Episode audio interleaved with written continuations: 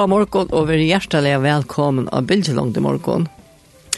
Ja, og det er da torsdager, og det er 22. juni. Og, og her på ut i utverstående er Edna Haberg og Jekvann Sunde Danielsen. Og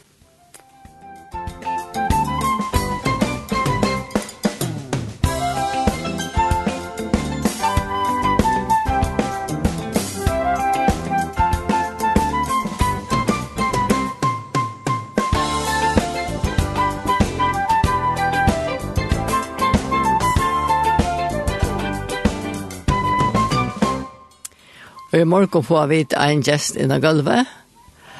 Og som er gjesten rundt åkken der er ikke en som bor i Åttalanda, men en som har vært i Åttalanda i sommer. Det er Maria Andreasen Hensa, som er vært i Grønlandet ved Juvel. Så henne får vi høre om, om henne her turen i Grønland. Og sms-kipene er åpen, og hun er som vant, 2,5, 13, 24. Og vi får ha gåan tonlag, og han kanskje blir oppalt bedre om du hever akkur ikke om omkring sang. Så vær velkomna, Bilslund.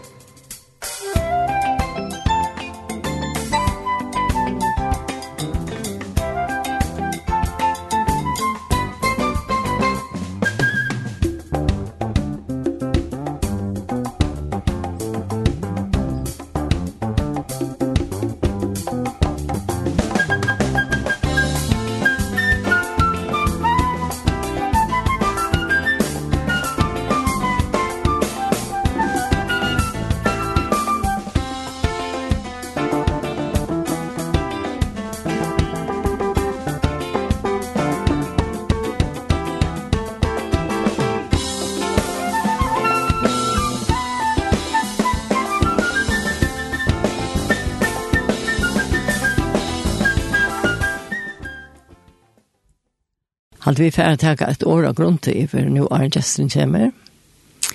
Og det er uh, et år ur Hebreerbrevet 11.6, og at det er ikke ble kjent år. Jeg har ikke kjent grunn til årene trygg, at trygg var, og at det var anledd, og at det var forvantning. Men her stender at åttan trygg er til å møte av toknet gode, og så er det han som står framfor god, man trygg hva den er, og at han løner timen søkjan. Jeg vil si at Tryggva som God sier om seg selv vank før han er, og at han anlitt hans er lyfton. Det som jeg kjente hekjene i den etter var at jeg tror Tusen God sier, og det er fullt anlitt og hans er lyfton til et kjent kapittel vi som tror hekjene. Og, og Markus 5 leser vi om kvinner vi blåset, og det kjenner nok de fleste, hun tråker seg gjennom andre myggene for jeg nemmer vi Jesus, og og det som bare med, med klæren til henne, så vant jeg henne for hjelp. Hun får her til hun vant at hun kunne hjelpe henne, og det fikk hun, så hun fikk hjelp, og hun var grød. Du tar hun nærm vi, han tar stekka Jesus og spyr, hver nærm vi klær i munnen. Her var nek folk, og nek tråkan, og nek kom til å røre ved Jesus, men henda kvinnan var nek særlig. Hun nærm vi Jesus i forvantning om å få hjelp man kan säga att hon näm uttryck. Ta hon så kom fram och fatt nye för Jesus säger han dötteren tryggt hon frälste färre frie och vid frusk applaud och inne. Jag också att det var å, jeg var nekk 20 manna mikkene, og onker stod ganske tatt ved Jesus, så tatt han kom ner med han. Men han kjente, og hva var som moneren? Jo, moneren var hentet kvinnan tråkade sig fram till Jesus i förvandling till om att han kunde hjälpa henne och ta henne av Jesus tjekk en kraft ut från honom. Det ser mig galt det om vi ikke bare er en parster av en fjöld, men venter og kombinerer til Jesus og søker han. Så er som hender kvinnan som vantar å ha hjelp om, om hun kom til Jesus. Så skal en og hver som venter seg til hans det få hjelp og et nytt liv. At her var en vitan om det som vi lys i åren er ikke det som samme som trygg. Trygg vil handle etter årene og jo anlig til at Gud vil gjøre det som han har lov og det gjør han. Så det var et oppmuntrende år til det. At det var anlig at vi som har en lov. Vi får høre Don Moen vi sannsyn Trust and Obey.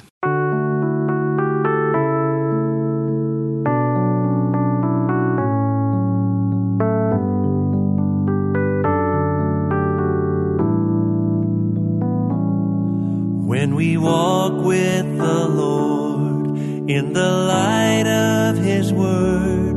What a glory he sheds on our way. While we do his good will he abides with us still and with all who will trust and obey. Trust and obey for there's no other way to be happy in Jesus but to trust and obey.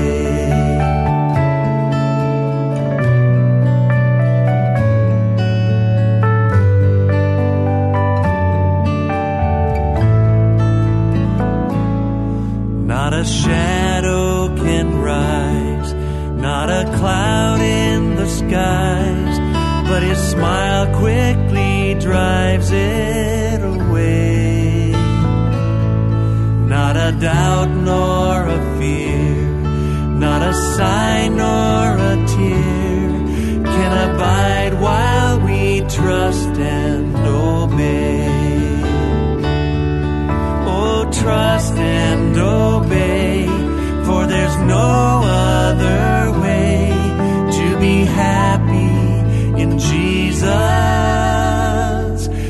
to trust and obey.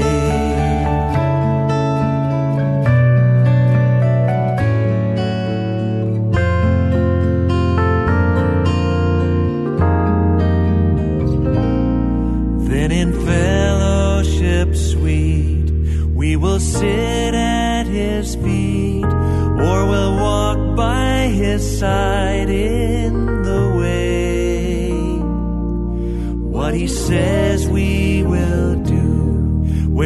sin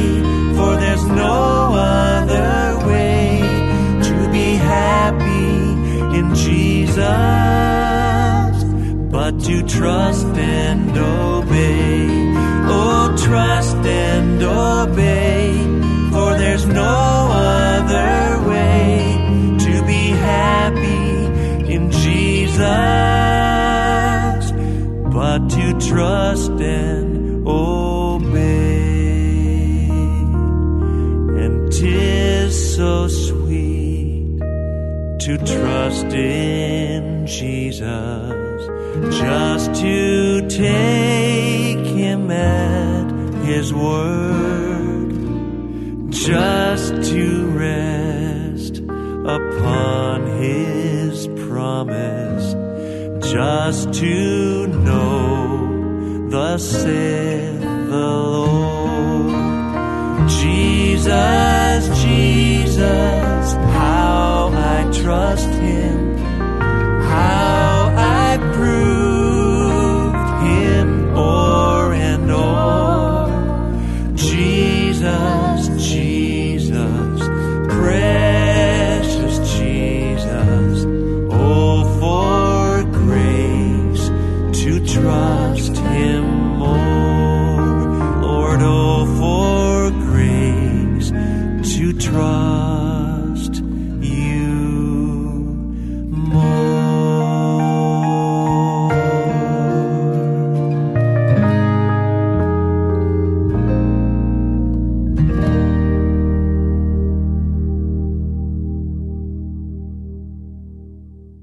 hørte vi vøkre og innelig rødna kja Dan Moen, Trust and Obey. Og nu har vi finnet okkar gjest inn her, og det er Maria Andreasen Hense. Velkommen, Maria. Takk, takk. Det var meg ikke det mer enn kjallar skulle komme vi. Ja. Og han, ble, han fikk skipsbord i og måtte jeg sted, ja, ta, ta for sted, uh, om tog ikke tøyna, altså ur havnene, og så, skulle det til foglafører, og så halte det til farner enn for en natt. Å oh, ja. ja. Ja, ja, så... Ja, det det var sånn erkeligt. Jeg har atlet mer at, at han skulle fortelle om, om sånn vinkel ja. av turen. Så vi får ta oss nemlig om at det var Grønlandet. Men jeg husker først om at det er to folk vi med den annet at synge og spille og leie sang. Men altså, når er du begynt å spille gitter? og spela gitar. Ja. Varst du kvad, jeg lærte fyrst ja simma til jeg var her.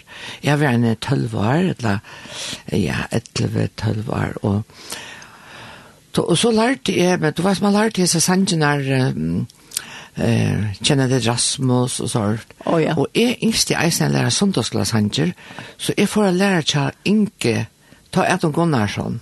Å ja, Inge ja. Simonsen, ja. Ta, strør, ta formen strøyende ut fra, helt fra Ulvar hos noen, helt ut av her som det Inge og det Bo her ute. Ut i Mattala. Mattala, ja. Oh, ja. Og vi først var det i storm og alt mulig. Jeg husker om det, det har vært noen folk av husen her og sånt. Ja. Men ta var det mer øye for ut her.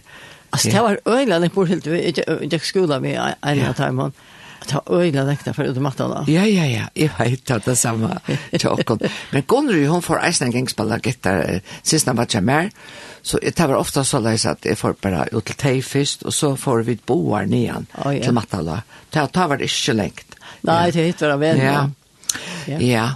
Og, og Inga var overfor, ta høtt heier man ikke alltid det her, uh, som man hever det allt det moderna alltså att du kan hon hon brukte rocknyhefter oh, ja. och så tekna hon upp gittar alltså och gittar du vet hur man skulle göra grepene och fingrarna och alt. okay. att det var allt hon ja ja ja, ja och skriva sannsnar vi hånd, det var ikke när vi telte, det det det kände vi ikke til ta. nej det är inte bra jeg, nej och men jag dom men dom du level a sinja Jeg minns papen min ble sjuker og for Nil Danmarskar enn at tog, og det tok nok så hardt på meg, men du veist, man visste jo ikke om det var han hade depression.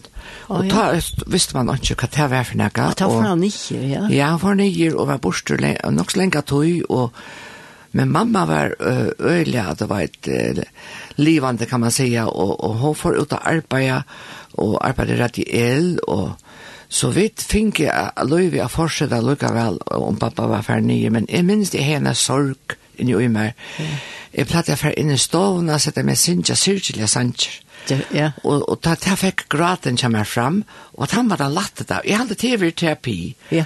Jeg kunne sinja til dømes, eh, og, og, og, og, og, og, og, og, og, Ut ur lutlo sjukra stovo, her ui sengur standare, la ein lui til brøstsjuk jenta, hoa sveik ui gåun le. Ja, ja. tan sanje, veist du? Og, og så sank jeg, vet du, så usa køll, eller norran, atter, ja. Alltså öra syrgeligt och yeah. så fick jag graten fram. Yeah. Och på den maten halt jag till hever legedomer för mig. Det jag finns det ut eller ja, så. finns det ut och och ja och jag har nog alltid eisen sett en dampt rolig asanger och allt det här ordla rock och det här säger och så. Nej, nej.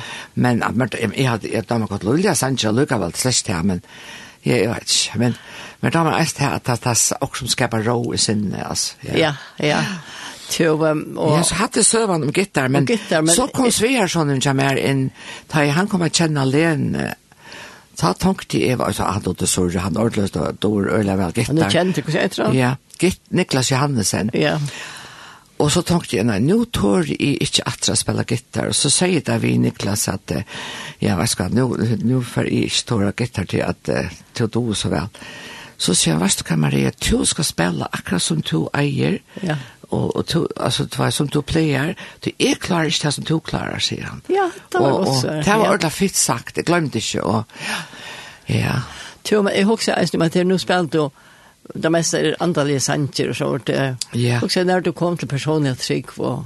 Ja, jeg var stod til nemlig at det er eisen som jeg kunne fortelle om det jeg var i Grønlandet. Og det brukte jeg eisen som en vittnesbord. Jeg tar at da jeg var lille jente, ja, ok, jeg hørte eh, fra mamma og pappa om Jesus, men eh, så er det det her når nærhever man gjør det selv, at jeg måter henne personlig, ja. eh, hvordan vet jeg det sikkert og alt det her. Det er strutt, jeg synes vi. Så en av for sundagsskolen, til enten vi er badnamøte eller sundagsskolen, minst Don Hinchcliffe og Sækert har ofte badnamøter, og det dømte meg øyla vel, så det ble så øyla greit uh, boa fra ta. Nei, men så, så skulle vi synge da sangen, Jesus kom inn, kom inn i mitt hjerte, Jesus. Så tenkte jeg, altså, jeg vet ikke ordentlig sikkert, jeg halte Jesus som kom i hjertet, men jeg vet ikke, tror jeg, nei, men nå fer jeg gjøre det, og sier det vi han, han skal komme inn nå, ja. og så mener det sunke, så ber jeg Jesus komme inn i hjertet, og fyrer meg om min.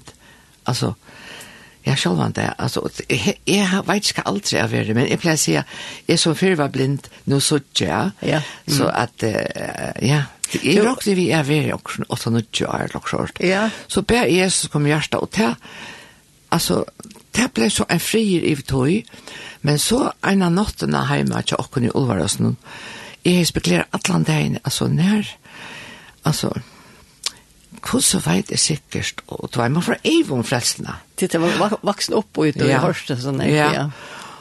Og, og så før jeg sov om kvølte, og jeg var sånn så lukkelig om det igjen, og spørste, jeg burde ha spørst omkring vaksne om det, men jeg spørte omkring, og jeg strutsper inn i min selv, og be til Jesus som har hjulpet meg. Nå, så leier jeg meg sove om kvølte, og nå vakner jeg midt om natten, og høyde kommer hekk ut av sångene, og jeg synsje. No? Ongen veit hva Jesus djøkken og djekk hinn det, ta og han var neltor oppa krossens tre, men to luttle viner nettopp tog at han, anda just jo på inn og salt hun frelsast kan. Og ja, han er hinn aller beste viner, du kjenner han hans, ja, ja.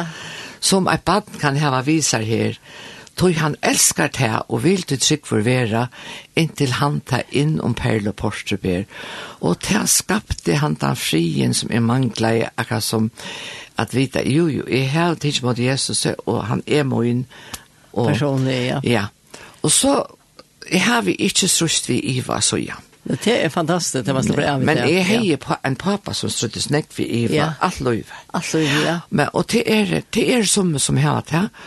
Og de er ikke minne frelst for tannskilt.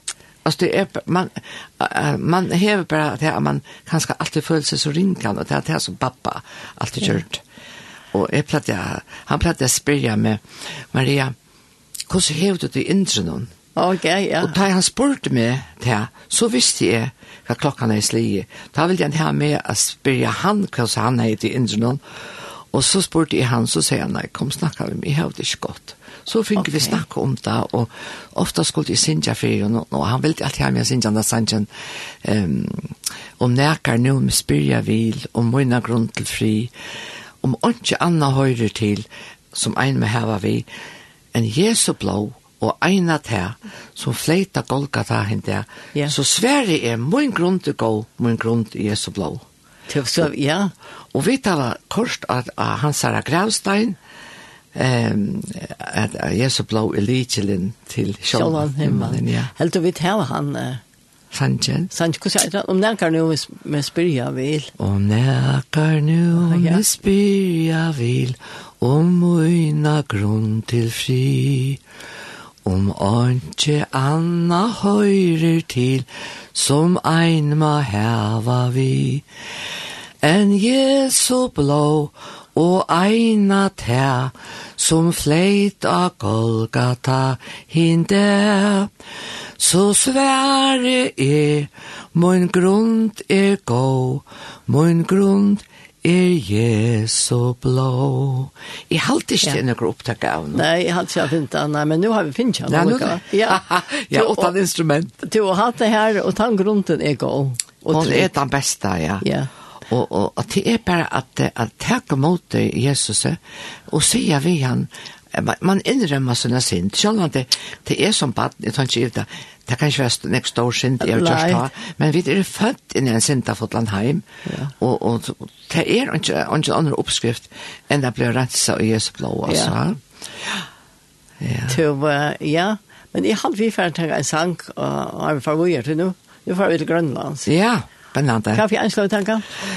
Du, altså, jeg, jeg elsker at jeg har jo funnet den sangen uh, godsyke islimi. Altså, grønlendere elsker sannsyn at han sannsyn nærmere min god til tøyen. Å ja. Godsyke islimi og og det er akkurat som det, det det er sånn haparslighet i det det til der synsjan. Der synsjan, det er sin sakta, og, og det er så innelitt, ja. Mm Så han kjente det. Det mer som man ser usfjødel og alt samt og altså. Ja. Ja. Så han kjente det Grønland, mitt Grønland der. Ja. Ja. Så han er heldig i gjerne yngste hørst. Han var en høyre.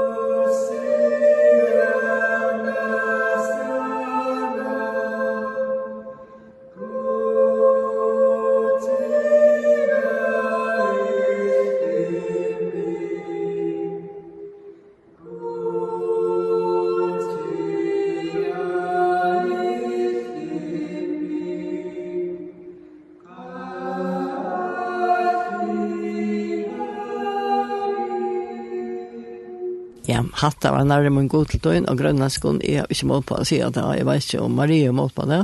Hva sa han etter? Ja. Ja. Um, det er han sankren som jeg halte at alle grønlandere elsker, og eh, altså, at det er så rett deilig å høre det, synes jeg. Det synes jeg han saktere enn vi gjør. Ja.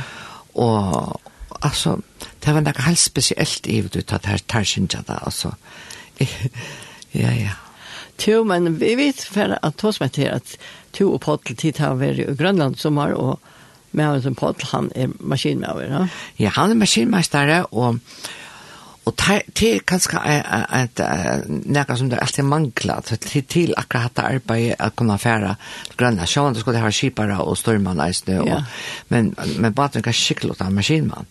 Så, Eh, så han var byen om å komme, og jeg har helt ære planer. Jeg atler meg slett til Grønlands i år.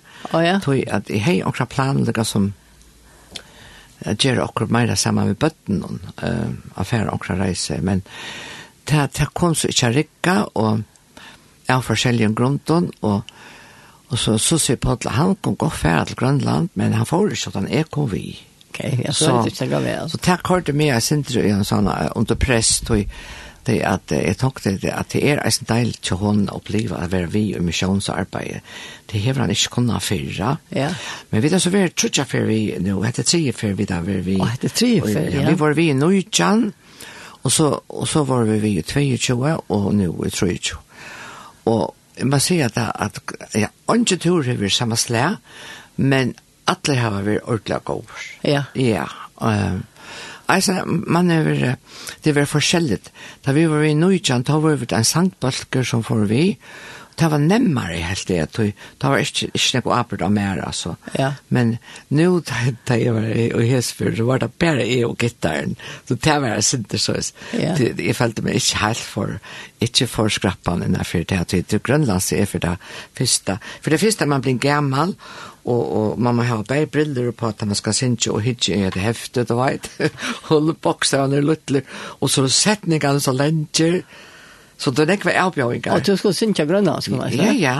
Altså man, man synger, altså man får halda ja. møte, og så synger man av grønlandskon samme vitt dem. Og, det, med, ja. og, men det var steilvik først at, at ta akkurat bygder som vi kom til, her var det folk som, som dotter vel synkja, og onker var som dotter spela gitar eisne, så jeg bedt jeg komme vi og hjelpa meg. Oh, ja, ja. det er lagt jo. Det er hjelpte øyelig om hvis en stod og sang grønna som vi så innan meg. Ja. Du, så fann jeg bedre det at du hver mest lekkja trittje og så. Ja, det ja. det. Det ja, ja. det er det er et uh, vanskelig til å torfe ja, ja, faktisk. Ja, det som det er, jeg får slett skitt med frem til nekka. Altså, nei, ikke låke sånn der. Nei, nei, eh, og, og, altså det med synes du ikke, om du ikke dår tukst, eller, ja, at du er syndra tukst, og nok sånn, så er det alltid et eller annet pettig i årene som du finner det av. Å oh, ja, så at, at man betøyer om... at man betøyer til at det er klokkskjort. men det er det ikke det grønlandske. Men, Nei. men kanskje at man er her flere fyr, så begynner man å finne det. Nå ja. vet jeg hvordan det er. Eh, til dem Jesus, til Jesus sier Jesus, Jesus. Okay, alltså vad som man finner det av? Spekler, Ja. ja. Men to, men jeg tenkte jeg på altså, tid för uh, til Grönland till alltså jag väl två og Pat vi uh, i vel 2 og to Han får iver ved å sikla skip iver. Ja. Og ta hadde der tvær ekstra maskiner, men vi tog at det tæra, og så ta, ta hadde der møvlega, jeg hava vakter, du vet, så så der, og skiftet, ja, så der ikke ble så tungt tja dem, og, og vanlig var steget da seks dier tja dem å kom iver, ja. men uh, jeg vet ikke, ta, ta tog dem 16 dier hisfer, så Det ble en lengt boje tog jeg mer til. Jeg skulle råkne meg frem til at jeg skulle være her iver til motråden. Ja. Så, så jeg skulle være bare tverdig her, så jeg flei iver og til nok. Og tvass ikke, jeg boje i 11 dager åren der kom. Ja. Og det var sånn at det, Alltså det måtte være nekvbøn og forbøn, og jeg bär nekv, till jeg var så bensjen. Jeg tänkte aldrig när jag får sådant att till det här, det här, det Alltså det var så, så jävla tungt att man kom över. Det, det blev vi över stormar. För det första att det skulle jag stä. Där skulle jag 17 maj här från Klaxvik. Så plötsligt fick det chips på om att där skulle jag städa 16 där för släppa undan också en storm så det kunde komma till Osland. Okej, okay, ja. ja. Och där där kom till Osland så måtte där ända ha Kråka i, i, i Keflavik och i Ja, en tjej det är. En halv vecka. Ja, men där hade det gott ombord. Där måste bara kroka och Ja, det finnes jo godt å ete, ja, så han må på slankekor at han har et fatt. og, og så er det her, så er det at jeg, at jeg skulle klare for å sikle mittelen eh, Grønland, nei, Osland og Grønland. Ta var at det er var sånn ikke var stormer, altså, la stod i kø. Det, det, altså, oh, ja. ja. Og så at, um, og det var til nok, det til ikke bare å si at det er færre søysvenskip. Og der hadde en ordentlig døyre, ja, og der hadde en døyre bare last, det er at der skulle avlevere en aggregator, halt det etter eisen generator eh och en oljetanka och testa upp jag det någon et aggregator till till att, att skapa elektricitet ja. eh till levende och kakortok alltså Julianne Hope. Oh ja. Ja. Og det skulle det alverast her, så Så der måtte man sig ikke få sjek, store sjekkvar av seg og sånne. Nei, det kunne jo lagt. Ja, ja. Nei, så er det forståelig mer det, ja. Men det er forståelig hvis Paul kunne være vi og forklare det her. Ja, ja. Men det var vel en ære for. Det var vel last for. Det var mennene der inn. Du, ja, og, og, og ta der så kom, altså ta der så endelig kom fram i til Grønlands. Ta var det måtte der kjempa vi ois. Der hadde atle innjakten um, prins Kristians sunt, så tann matan hette kom kjåtare til Juliane Hopp, det var skrønnan så sjåleis ut, ja. spurs, der skulle handa veina, og at det her, um, men det, og prins Kristians var var øyla fullt av ois, så her måtte der bakke ut etter, og så måtte der fære rundt om kappan, og her, ja, det, det kan godt være nok så ringt vever og så. Ja, det har vi vel alltid ja. ja. Ja, men der kom så opp til Juliane Håb, og her var så nekver øysereisende. Og det som kanskje tar i tid bare jeg få tøymer å komme inn og Juliane Håb, det tok dem om trutja det her. Det er øyelig tur. Ja. Jeg tar ikke på uh, juvelen også, løytel på at det er sikler ja. til øysen her. Ja, men det er jo mil, uh, juvel uh, 2 er, det er en militærbater, gammel militærbater som har vært i Grønlandet og silt eh oh. öll arne. Han byggde så han är byggd till, til Ois. Ja. Okej, okay, ja. Så ja, så han tåler det, men så han det ja ja. Så at eh, Det kom så, med, som man säger, med nöd och näppe. Men det var, vi bor nek för och yeah. det kom gott fram. Och ta det så kom det till Julian, så ska det, så ska tottla, tottla avgrejas och sort white. Okay. Det kommer vi så här värden här. Så ta det var livet så så får där in av själva levenar och här var eisne nekvar uisr. Så det blir uisr ungefär en stäntaste av jag är. Och ja. Så det har plejer inte av jag sånne nekvar uisr i hissa. Ja men brøytes altså. Ja. Og jeg... Jeg kan gjøre to og nok. Ja, men det er at jeg bor jeg her, hva stod? Jeg tror det er. Og ja, og jeg har godt nok bindetøy vi. Altså, men alt jeg spør deg om, har du samband vi på? Nei, onker du, han, da han fikk samband ved telefonen, ja. så ringte han, og så fikk jeg vite onker ting, og Men øyla land, øyla ofta var det ikke samband. Ja. Så det er det som så strever. Ja. Jo, man så forvandrer det, så man er venner ved telefonen og, ja. og få at vite det. Men så skal jeg si at det, jo, så er det det at eh, jeg kommer til nok, jeg skal bare være her tverdig her, og sammen sammen noen. Men det første var som hendte da jeg får urførgen var det at det var en, en, en som, jeg kan sammen si navnet, hun er Ragnhild Skårene. Oh, ja. Hun bor i nok, og hon skulle ei være følgende ferast, og hon skal til Grønlands eisene, så vi bor for samme flikkvare nye, okay, ja. og det var så hyggelig, og så kom vi bare, vi åtte døra sammen her av hotellet, og eh, så la vi lufthavnene, jeg var en, en hotell, og hun var en ørne, og hun bjør meg iver til søgne, at så fikk vi noen døvre og fikk jeg godt prat. Og, så det var en god starster til min, min affære. Så ikke følte meg så, så ensam et land, og så låst det, så jeg sa. Jeg tror nok ikke vi er ensam et land, ikke? Nei, Nei, nei. nei. Og nå er det her, så, så får jeg det sted til, ta man først fra nok, man får vi er Greenland fra København til Strømfjøren, da, da er det Kangerlosak ja, av Grønlandskån. Ja. Og til, er, da fer man, vi er en stor flikkvare her til, det er størst flikkplass, og, og her fer man i alle mulige retninger. Vi skulle til Streimfjøren, og, nei, ja, altså hatt av Streimfjøren, og vi skulle til Nok, så jeg skulle vi en propellflikkvare til Nok. Ja, jeg har lyst til. Ja, og det er, altså, det sier at det er ordentlig trygt av flikkvare, men altså, man domte det ikke. Men to, jeg ble sett av, til at eit det mot, mot plås av sitte flikkvaren. Jeg kom og sitte ved søgne av en pilote, og til at jeg får prata ved han og spurte, og så spurte jeg Sindre om det her flikkvatlet. Han ja, en, en grønlandare? Ja, og han er veri i Ost, han er veri i Norra, og jeg halte det han sier i Oslo, og, og veri okker skai, okker oppdateringsskai, ja, Så han så han flög inte flickvärn hesfer, men han var passager. Så han sa så innan mer och vi pratade nog så fitta löte och, vi, och ta en flickvara för uppa flickva. Ta sett i han sig att sova, att slappa av. Så tänkte jag, det kan inte vara särskilt farligt att han sig att sova. Så jag får att synge innan han och hötten inte med han där sangen. Eh, stunden tar ut sig för min svojkor Så att man ber Jesus vara låsen till oss här. Ja, ja. Och Angela either uh, Savior Pilot Me, Jesus Savior Pilot Me, ja. Så jag tänkte, jag ser att vi såg innan på låten, så kunde det bättre. Och han sätter sig och sova. ja, han var inte nervös. Nej. Och det var en lufthåll, så jag hoppade, vet alltså. Ja, det är Sverige i Tyri, ja. Men vi kommer fram i Ötlund Gåvån och Og da jeg så kom til Lux, så tok jeg en taxa og for til Sjømannsheim, og Sjømannsheim, det er et sømannshjem men til skift navn til et av Søma. S-Ø-M-A. No? Ja. Og det er et sømannshjem det er her senest, nå, men lukket mye. Og jeg fikk et deilig kammer, og så, Og da jeg så hei veri her, og så tenkte jeg, nå må jeg få om man får meg døvra.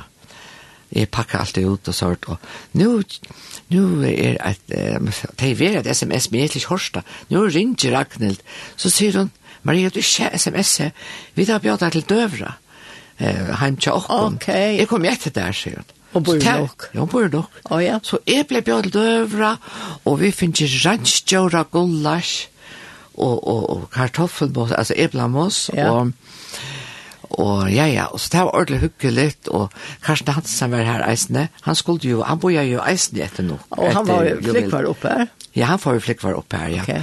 Så, så han eh, var vi bjør vidt til døvre eisende, så vi hukka jo okkur ødel, og så fikk, fikk man prata sin om jo vel, hver, hver var der kommer, og hvordan tjekk Jack Jack Jack Jack og alt sånt, ja. Og, ja, og så hadde vi, minst da vi, vi bor eisene sammen, og bor fire jo vel tvei, Så det la akkurat det var hjärsta. Og jeg følte at la tøyde at herren, altså, måtte heve en mening vis her eh, at, at det skulle være så, vet, teka så lenge tøy, da, men jeg visste ikke akkurat tak så lenge tøy det tok, da, men, så dagen etter, da ringte jeg en atrebjør med til døvra, oh, ja. og da finner vi resten av fisk som de selv hadde resa, Oh, yeah. Og, og hun sier det smaker ikke lukket størst som okker restfisker, men det smaker ordentlig godt, så at vi gabna tolk og spik at vi. Så jeg ble vel besyrt med ja, det var det, ja. ja. Det var så tvær dier, og så skulle det være det at her kom det en etter, men, ja. men nei, nei, da fikk vi det vidt at her kråka i Keflavik. Og, var det enda Keflavik? Ja, ja, det var enda ja. Keflavik, så, og det har tikket nære dier kom i Grønland, så, så det visste man at her måtte man bare smyre seg vi. Men det som planer var, var at her skulle komme, jo vel skulle komme til et proviant vi til levende som skulle være inne i Amaralikfjøren. Og um, her er en leva som han Siversen hever byrja. Og, jo, hun er veldig nekvar. Ja, hun er nekvar, og hun, nå tok jeg ikke at vi, hun eiter ja, men det stod ikke sånn, men hon, hon, hon hever et lengt navn, eisne, og kanskje kom jo at det. Og eh, jeg fikk så vite til at jeg skulle via levende, her skulle jo vel egentlig være ferdig og hjelpe til at transportera folk, ja? Ja, ja. ja. Men eh, det ble så ikke, og men men vi vi och jeg skulle se vi och Ragnhild hun lante mer døgn och kotta och sanchart höj och som skulle vi Så jeg tenkte, jeg må bare tenke etter her som det er, det var så. Og så bestilte jeg meg tog av Sjåmannsheimen noen atter, da jeg kom atter fra levende. Det er altså, vi skulle være levende fra frutja det til kvitsene, fra frutja det til manet det. Og så fra manet kvalt atter bestilte jeg så eh, hotellværelse eh, på Søma. Ja, Søma, ja. ja. Og det skal jeg si at jeg, jeg kommer til å kjenne nek grønlandsk her av levende, og jeg husker at jeg var elskelig. Og og det, det var så fitt, og det ble så gov med meg. Jeg, jeg mørkte ordentlig av sånn han hita, altså fra damen, og og altså, her, her var ikke telefonsamband. Ikke, det det som, ikke. Så her var, måtte jeg bare slå meg til tals. Ja. Men så sier jeg man kunne genge på en fjall her. Det var så fjall. Man genge nok slengt nye nå, og, og, og videre man fikk samband.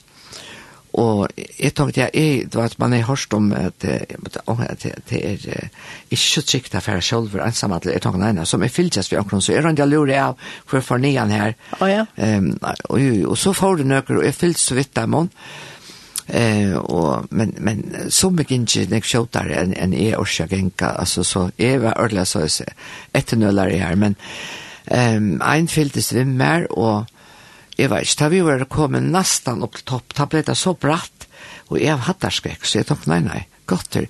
Jeg tog meg ikke for å bråte beinet og alt, vi skal ombore jo vel, man kan kotja foten og alt så er bort, da man er, man er aldri for å prøve alt, så er det som man ikke ordentlig venner å gjøre, jeg er ikke en som kan ikke renne i fjøtlen. Nei.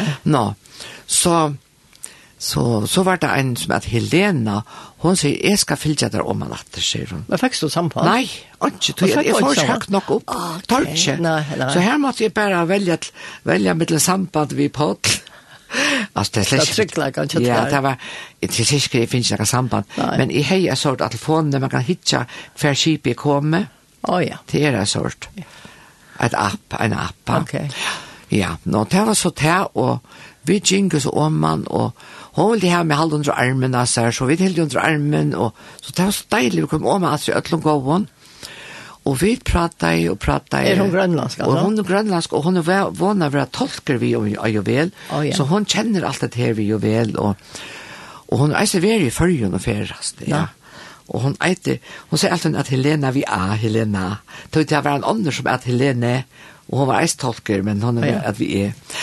Og så vi bare var bli ordentlig vel, Og, og så, til, så var vi eisen en tur den etter av stranden her, og, og så fann hon en flætan stein, en, en, en, som så står ja, eh, hva skal man si heter, 30 centimeter eller noe rett, ganger ja. vi 20.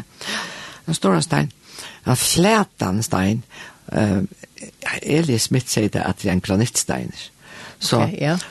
To, og da vi kom atter inn at vi i hus her som vi var, så tok hun farve ting fram ur taskene. Jeg visste ikke jeg var hun var kunstner. Så sette hun seg og mala henne steinen, og male i meg. Altså, vi mener vi gjenker, så så vi denne Mariehøne. Og jeg tenkte, Mariehøner er her oppe i Grønlandet, og solen var framme, og Mariehøner kom framme. Oh, ja, ja. Jo, jo, hun sier, Mariehøner hadde det første år. Mm og Du vet han ikke var i henne i forrige, altså ikke utan der kom en sjøreple. Ja, ja, ja, ikke se. Ja, nå, men så hon får han male og enda steinen, hun maler en fitta lilla Marie henne, og, og så maler hun med, jeg stod her ved gitter og blau en kjola, og, og, og så maler hun, eh, veit hvordan levan er, og så maler hun eisne, at han fyrir hilsen fra Helena og Dato og altså du vet var det flott ja altså det er så flott og så det er så det ser ut som jeg men uh, jeg finner jeg grønlands look. og helt det ja altså egene det er sinte så ja, ja. ja og sinte mer mist ja det var den så er så eller er jeg finner den steinen til Du finner den her vi altså jeg finner den her vi Okay. Jeg skulle eie han som et ja. minne om Grønland. Ja, det var stått litt. Ja, det er det som jeg sier. Jeg fikk nekk sånne, sånn lekker ting som jeg opplevde, som var noe jeg ikke kunne planlagt selv. Nei, og som du ikke har... Det er akkurat som herren ja. gav meg imisk ordentlig positiv opplevelser i ødelens nere selv om jeg var hei bei ampa og alt ja, det, altså, det, det man, og storan og så måtte jeg alle denne minne meg at man skulle ikke stora ja. du vet men lærte vi ødel alt komme ja. fram for gode bøn vi tøk og så skal frier godt som står opp med alt vid, varva det gjørster og kvæt, hoksaner, ja. tekkara, og Kristi Jesus. Ja. Så, ja. ja, men har vi kommer inn. Så da vi kommer alltid til, og jeg må fortelle meg om levende.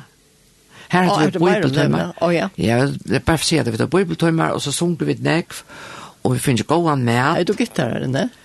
Det alltså Marco sier till gittaren så säger vi og onker annar hei gittar. Okay, yeah. Så det var ikke problem så jeg, jeg spalte og sang for dem men det är sent. Ja. Så det var synd att jag var oppe, ja. Ja, och det sjöng alltså så godt selv. Ja.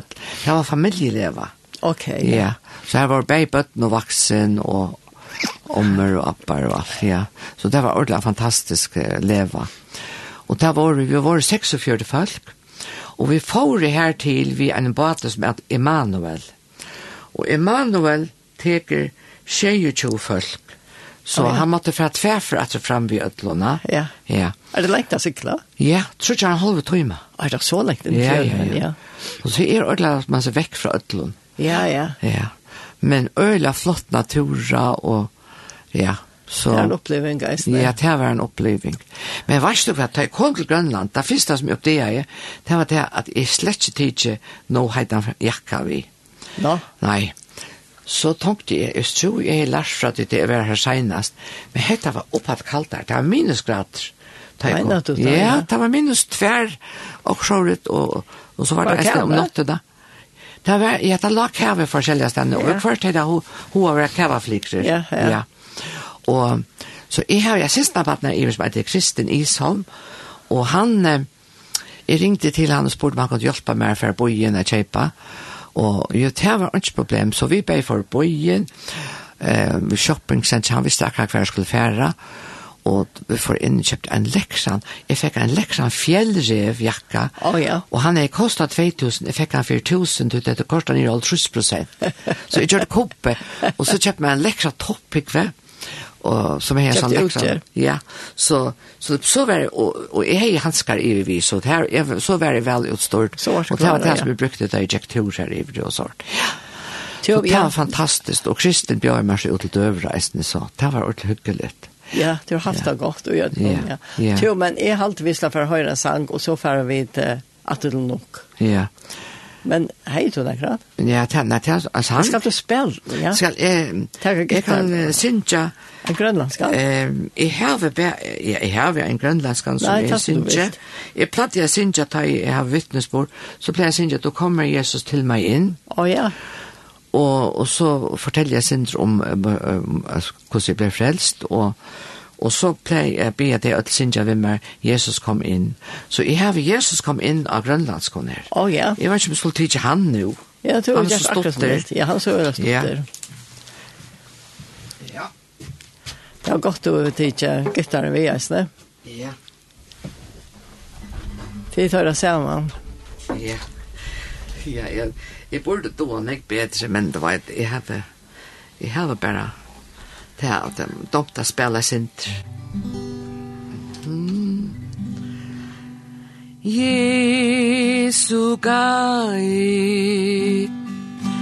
Ka iserit Isert lutit Oma tinnut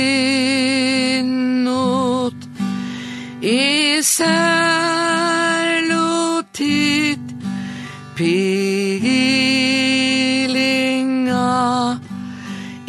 ei særslutit oma tinnot. Så tar jeg henne førskån. Jesus kom inn Jesus kom inn Kom inn og mot hjärsta Jesus Kom inn ui der Kor sind er der Kom inn ui mot Jarsta Jesus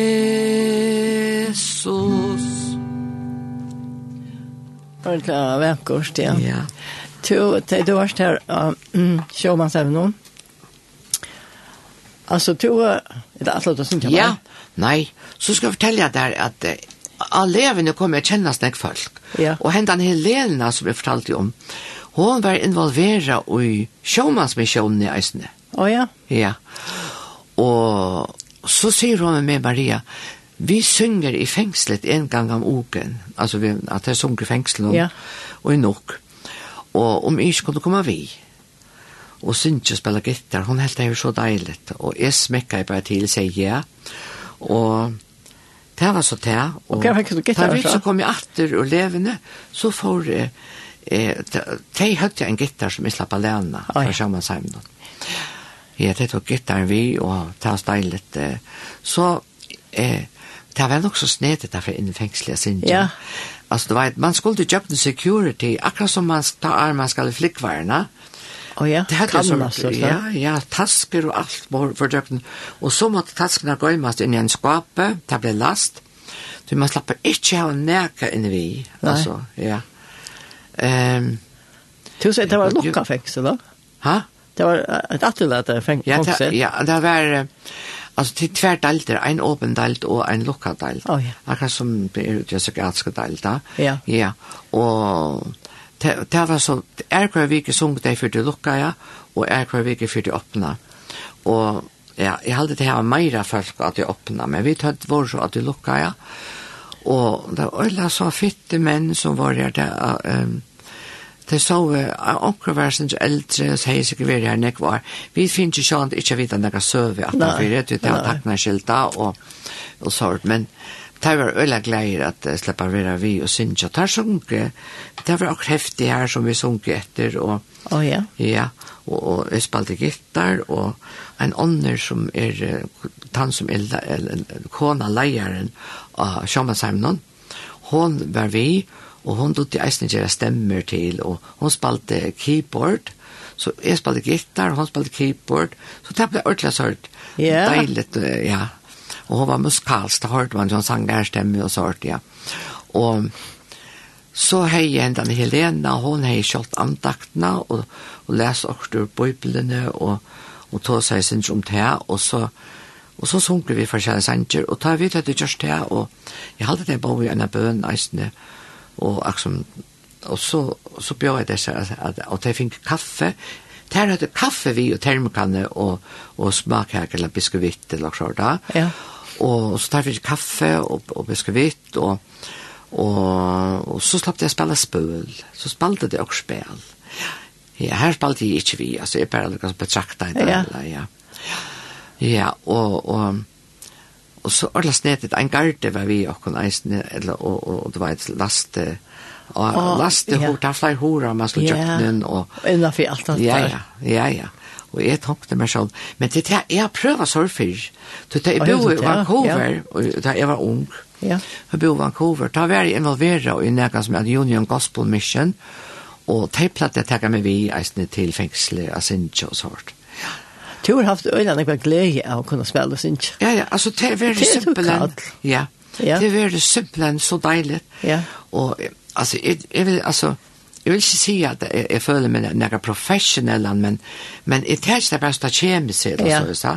Uh, det er ikke alltid perfekt, men det var jo at hvis du synker i hjertan, ja. og, og, så er det folk glad for det generelt, altså. Ja, ja. Ja, så at ja, ja. Men du fortalte meg eisen til at du ble vakt en morgen til, ja. Oi, ja. Du så det var en atra sjåna seg med at når jeg var av levende. Først hendte det at um, en så kom det til min en morgon. Jeg visste ikke hvordan det var skulle bestille, vet du. Det var alle just det kom. Her var, jeg var her 11 dager, vet du. Og jeg rundt jeg takket en tvær dager sen og sånt. Nå kom det til meg fra sjamanen som sier det, eh, altså, du, du måste finne noe annet sted bygge på nå, du nå vidt ivebukker. Nei. Jeg måtte opp og pakke, og, og Helene har bjørnet meg til frokost, og, og så, um, så sier så tok jeg, altså nå, jeg kan ikke bare klare å pakke og fære til frokostkjenne og finne et sted å bygge på. Så jeg ringte til henne først, og så tok jeg, jeg kan skal få ringe ringe nøyere opp til omkring, eh, og vite om jeg kunne få plass. Det her er også et annet hotell i byen, så kanskje oh, ja. jeg klare det, men så sier det vi Helene, hva skal jeg må bli sin sein til frokosten, jeg tar må pakke, og slippe ut derfra, til at det, det sier det er ikke plass nå. Ja, men du kommer bare på hos meg, sier han. Så ja, jeg får iver og bo til henne en av natt, Ja. Du, og veist du hva at hon hei, det var han da tøyen tar lottene kommer inn i fjørene, altså hon, hon var kommet inn i her Amarlikfjøren her som vi var i levende. Å oh, ja. At det var kommet så rævla nekve sånn fisk. Der så, hon kunne hente der vi ber en hånden og kørte en spann. Nei, jo, ja. Og der er liksom så store da. Um, hva er det her, 20 meter. 20 meter. Klæner. To, og det gjør det hun til døvra til morgen. Hon vendte det i egg, og så vendte det mjøl, og så, så, så saltpipar, stokta pannen i smør, så fikk vi til døvra, men at vi høtt og gøtten og alt. Mm. Jeg tenkte, jeg må bare leka sånn nå. Jeg finner ikke alle som vitaminer. Hvordan smaker jeg? Smaker jeg så forfølgelig vel. Oh, ja. ja, ja, ja. Og sånn sprøt ikke hva det mynte om, altså. E, ikke, ikke så lykke snikot eller feit som silt, men Nei. altså, ta ja, ja, det var. Du prøver å sindra hver, ja. Ja, så det har det stått litt, og jeg vil hjemme, ikke henne og etter ja. og sånt, ja. Så, men hon bjöd mer å være flere nætter, men jeg helt at det var også nekv tog att hon hejer ju, og hun bor bare, altså, no, nok så trångt og och skulle til Esne og hjelpe vid om och bötten och så. Så sier säger vi henne. Var det bare bara av natt att du inte slapper å kjømme seg med noe? Ja, det var bare en natt, så slapp jeg etter neste, neste dag. Okay. Nå, men så, for jeg etter å sjå meg, sa men nå helt tid, jeg kan slappe å sove lenge. Og nå tog jeg jo nødje, nå ringer hon, Helena, og sier, Maria, kommer du til andakt? Jeg sier, er vår andakt? Det har vært av sjå meg sammen noen, fire heimleisen. Og det var det ene fra vikene, det var andakt, og, og det eh det var forrundstykker og appelsinjuice og blackhawk egg og råbrøy og pilsepalek og alt mulig. Og hvor kommer heimleis? Forskjellig heimleis, ja. ja. Og de slipper noe sove, jeg vet ikke, jeg vet ikke hvordan alt det er, om det her er sånn herberg her, altså, jeg er ikke ordentlig klar i det her. Men det så pent og laden ute og alt sånn, men det, det, det var heimleis, altså, det er ikke så det nei. Du, og var, så skulle synja for dem, og så sier hun, du skal også ta andakten. Og jeg ja. tenkte andakt, jeg har slett ikke forberedt meg. Nei. Jo, jo, du skal bare fortelle dem det som du fortalte meg i går. Og altså, jeg har sitt jo fortalt henne om okkur som er begeistra om i Salma 23, om hinn gåa hiran og hvordan han teker omsorgan fyrir okkur og alt, altså på alle mulige matar og hva hva dette forskjellige i Salma 23 betyr. hva Så jeg er lykket som snakket om det. Oh, ja. Og hun var så imponeret at hun, at hun helst ja. at, at jeg skulle bare teke andaktene og fortelle om det her. Og det kjørte jeg så, det var ordentlig stått andakt bare, og, og så sung vi forskjellige sånne sanger ur en salmabok som det heter, det heter en salmabok. Og, og de sung så vel vi, og ja. Og så tar vi vår liv i andaktene, så, så, så, så sier jeg vi til, Så jeg vet at det er godt å synge nærmere med god til tøyen. Heldig det til kun synge fire mer. Å ja? Jo, så sung vi det, og jeg spalte gitter nærmere med god til tøyen. Og det er dutt igjen? Og det er dutt igjen, ja, det, det, det er et høyt jeg salmabok. Å ja, ja. Og, og så sier jeg, vet deg, da jeg teg var lio, altså kunne jeg slappe tidsi det opp. Men jeg pjøs ikke takk ansiktene, bare ljøve. Å ja. Så tog jeg der der opp, og det er bare det som jeg først og sørste vers, og så tog jeg det opp i telefonen til meg, og så at han og så spurte jeg deg om det ville slippe lort etter deg. Ja, det ville det, det slippe høyre. Altså, det var så fitt. Ja, ja. det var et opplevende, men hva skal tog jeg for fra Ja. Vi er ikke, vi er ikke kommet på skipet. Vi er ikke kommet. Nei, jo vel kommer så, for jeg, jeg opplevde nekv annet, sier jeg Ja. Vet du hva, så grønlandske som jeg kommer kjenne, de kom jo benka i par sammen sammen, og kom jo få seg kaffe sammen med meg, og som jeg hadde bindet høy vi, og då var jeg kommer med stycket höj og så og så vet jag det ser vi mer alltså du vet det var så god fellesskap, ja. Ja. Det var tryggvand och grönlandar som så det blev vi sammen vi. Ja. och i allt det det er tryggvand i här visst kanske det halte nok snack sammen. ja det var alltså hon litt, ja. alltså ha? Ja ordentlig. Det var kan jag posta upplevelse och spännande ja vad den. Men så kom jo vel. ja nu kommer ju väl lejer morgon Og, og, og, og frutja morgon slapp er så en tur vi en båte sammen vi eh, Marskos og Ragnhild. Her slapp vi å fære vidtja en restaurasjon som var i godt oppkjøren. Man skulle fære og fiska og, og i fjøren, og så kan, kunne man tage det vi, og så kunne de fyra ikke med den fyrte. Aha, så det var en spennende opplevelse. Ja. ja. Og det var også en turistopplevelse. Da følte vi også som turist. Ja, ja. Men jo, det var en deilig opplevelse. Og Så dagen etter så kom jeg um, så kom uh, Jovel, og ta for jeg ombord ved koffert og ætlom, men jeg skal si der til at det er ikke stått til å komme ombord hvis det er fjøra. Det er så lengt nye, da. Det er så rævlig, nekva måneder, ja. det er flå og fjøra. Og så var det tar tar så av mot bagasjen og alt. Men det er så syns jeg å få bagasjen ombord, ja. men å få med ombord. Åh, oh, jeg har bare hatt av skrekk og bare for dette nye midtelen og alt. Men Men tar var så fytte, skiparen sier, du vet, det er godt, du skal trakka her, og du skal trakka her, og, ja. og Paul sa, ja, Paul for ikke la det til færre midtelen, sier det var. Han stod her, skulle ha glede at jeg mot meg. Var det godt å sitte etter. Ja, øyelig godt å sitte natter, det var den, altså. Ja. Altså, at det var en herre tur til dem, det var... Helt øyelig her, ja. Ja, det var det. Det er så mor og alle, allukavalt, det gjør det, ja. ja. Men altså, ja.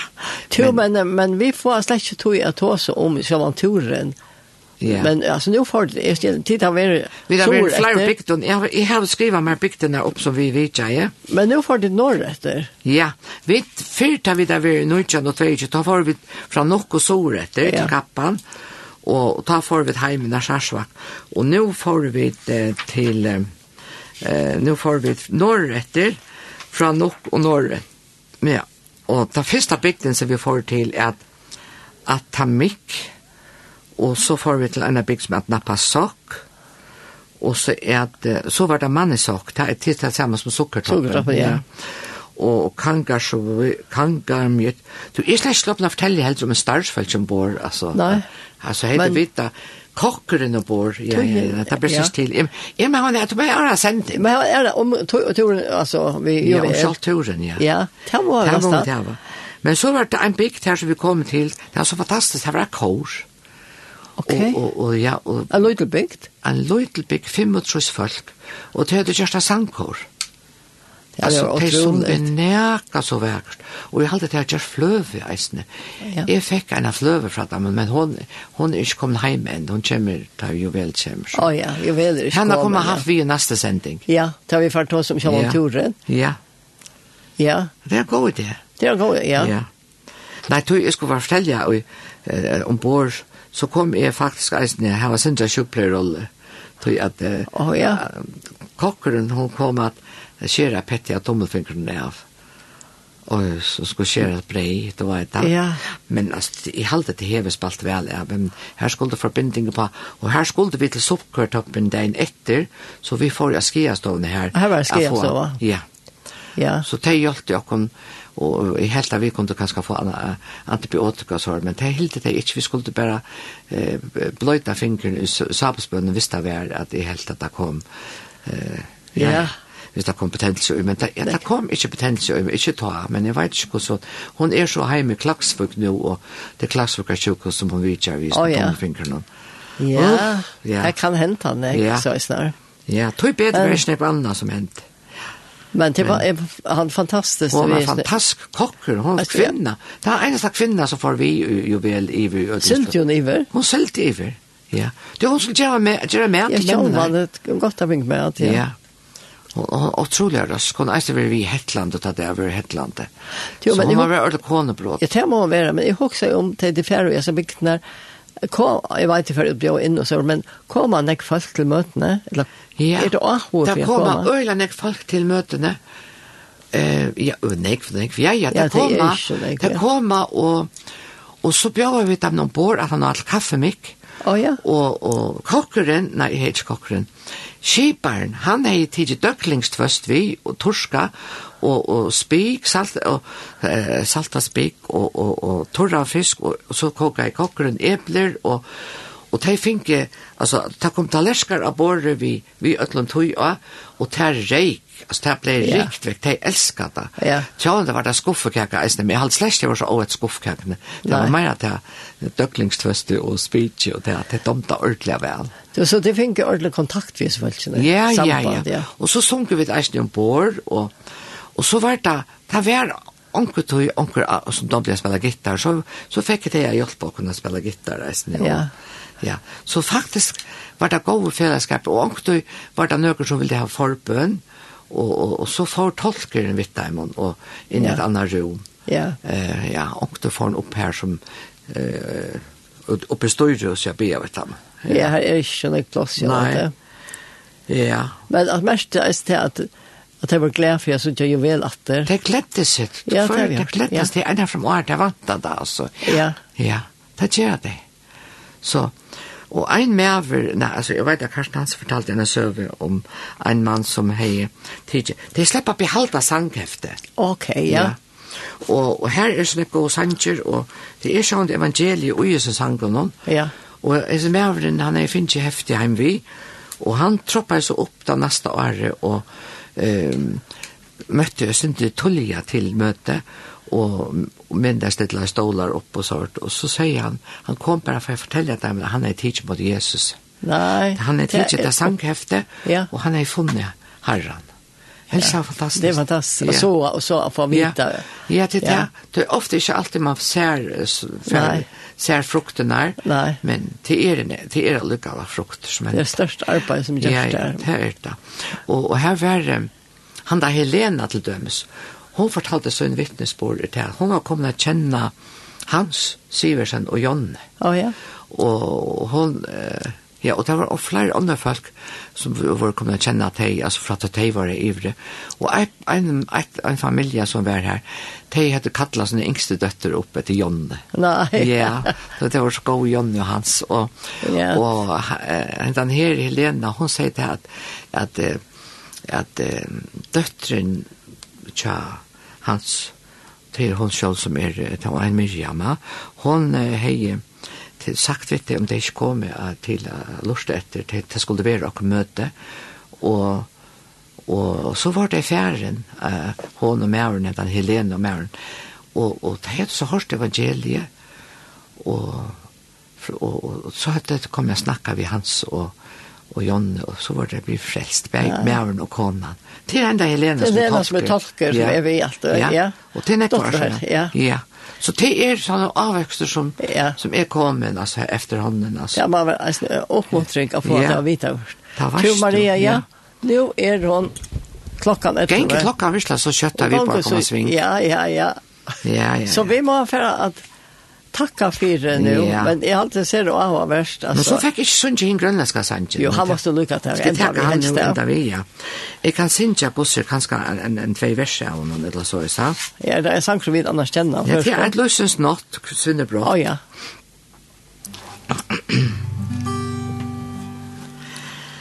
Noana punga Jesus i mig Samma lunga ki torna ranga Noa ne karmi Jesu simi Ajos timilu kifanani Gutsi ja anak Ilua susikat til manga. Gutsia Kuyanak Ilua susikat til manga. Ilua pok ta tesasloni Kinu nermi u kasarmi lu. Tipatsunar derunga sarili Anatut savani kakuku Utsiya kuyanak Ilu asu seka timanga. Utsiya kuyanak Ilu asu så se kach timmanga Takk for nu har vi ikke gott öra för grönländsk men att jag öra grönländsk. Att det är ja och att det är ett hans sång som heter Ett det landet så löst och så gott. Ja. Till Marie för att tacka dig för att du kom till morgon. Och vi gittar någon och allt och vi inte kunde helt fram till yeah. det. Så upplevde det eller på. Ja, det kan... om det inte gick ett rattla. Nej, ha? och faktiskt blev det så läst att det blev en ordentlig siktningarrektur. Ja. Lena dötte mig, hon, hon, hon hällde det så stottligt och hon hällde att, att, att mamma har faktiskt turnerat sig hon Arne ju välkom in i Nocka. ja, det är det. Ja. Och kommer känna henne folk. Ja, det är det. Jag upplevde några andra ting. Och här är det här sig sådana vi tog i. Ja Ja. Og det er at han fikk han i kjøkkenen neist. Ja, ja. og, og jeg må si at det var veldig sikning å møte alle folkene. Så nå vet jeg eisen at jeg skal bia for dem, altså, og henne Helena, hon ber meg bia for henne og hennes familie. Så hun, hun, hon är en som hever stora bilar för sin ja, så ekne. äkne familie, ja. Ja, ja. Och ja, Så her er nekva at uh, hugsa om. Og, og jeg ber for eleven i her, og for eleven og kakort og eisen som vi er nå sommar. Derfor er han nekva ung iver nå. Ja. Til at det er sikkert er helt annet som du skal eisen sende. Ja, det er bare færre ja. eisene. Og jeg hadde fantastisk eisen til arbeid som føringer, nekva ånderske eisen, men som føringer gjør ja, det, i Grønland. Det er fantastisk. Ja. Nå, men takk for at jeg slapper være vi, og deilig det her. Ja. Så, Jeg atler lykke av vi for Takk for Takk for at du komst, Maria. Jeg skal bare lykke nevne at Arvi for enda. Og det er til at i det er en særlig dag hvor det bor noen, en familie dag hvor 23. Og det er um, som kyrkjer og samkom i Havnskipa 4, og alle velkommen. Og det er så byrja klant tudje vi at Hein Mortensen er vi var velkommen, og så er det sanger, og Imes av Venon, og her med til Anna Suche, og Asebrønner, og Anton Liljedal, og Låt, og sangbalker, og låsangskonsert fra klant 20. Så det er bare færre åman her. Her er eisene Imes til bøten. Så det er bare klant 20, så det er i gang nå nere her som Perlan og Røsar og av familie der her. Vi halde vi for enda disse sentingene vi at høyre, en av dem som er Anton Liljedal, så synger sammen vi til her.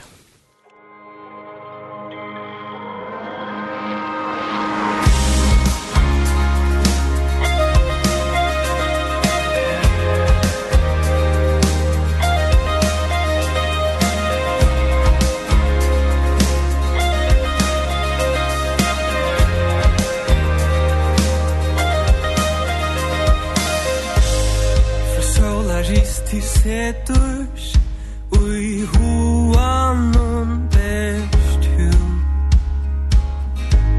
Mun long så lång mun tra er te a sjaman For tafsiler okkon nu Tå sølen fjalder ter Handan fjöll og tam alt og især Nåttu fyrir fyrir degen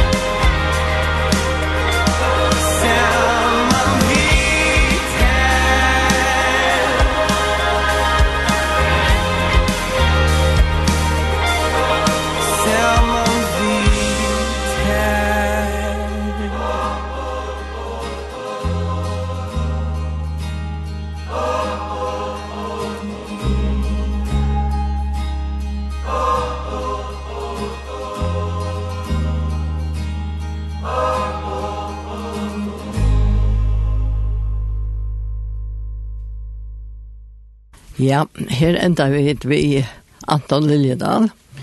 Og det var at han av vi tatt av vitjan av Marie Andreasen Hensa, som er i Grønland vi jo vel. Og hun fortalte nek avverk som hun oppleva i nok hessa togina. Og så har vi haft et år av grundiver. Det er åtta trygger til å møte av toknas godt. Så vi tver at enda sentingsene nå.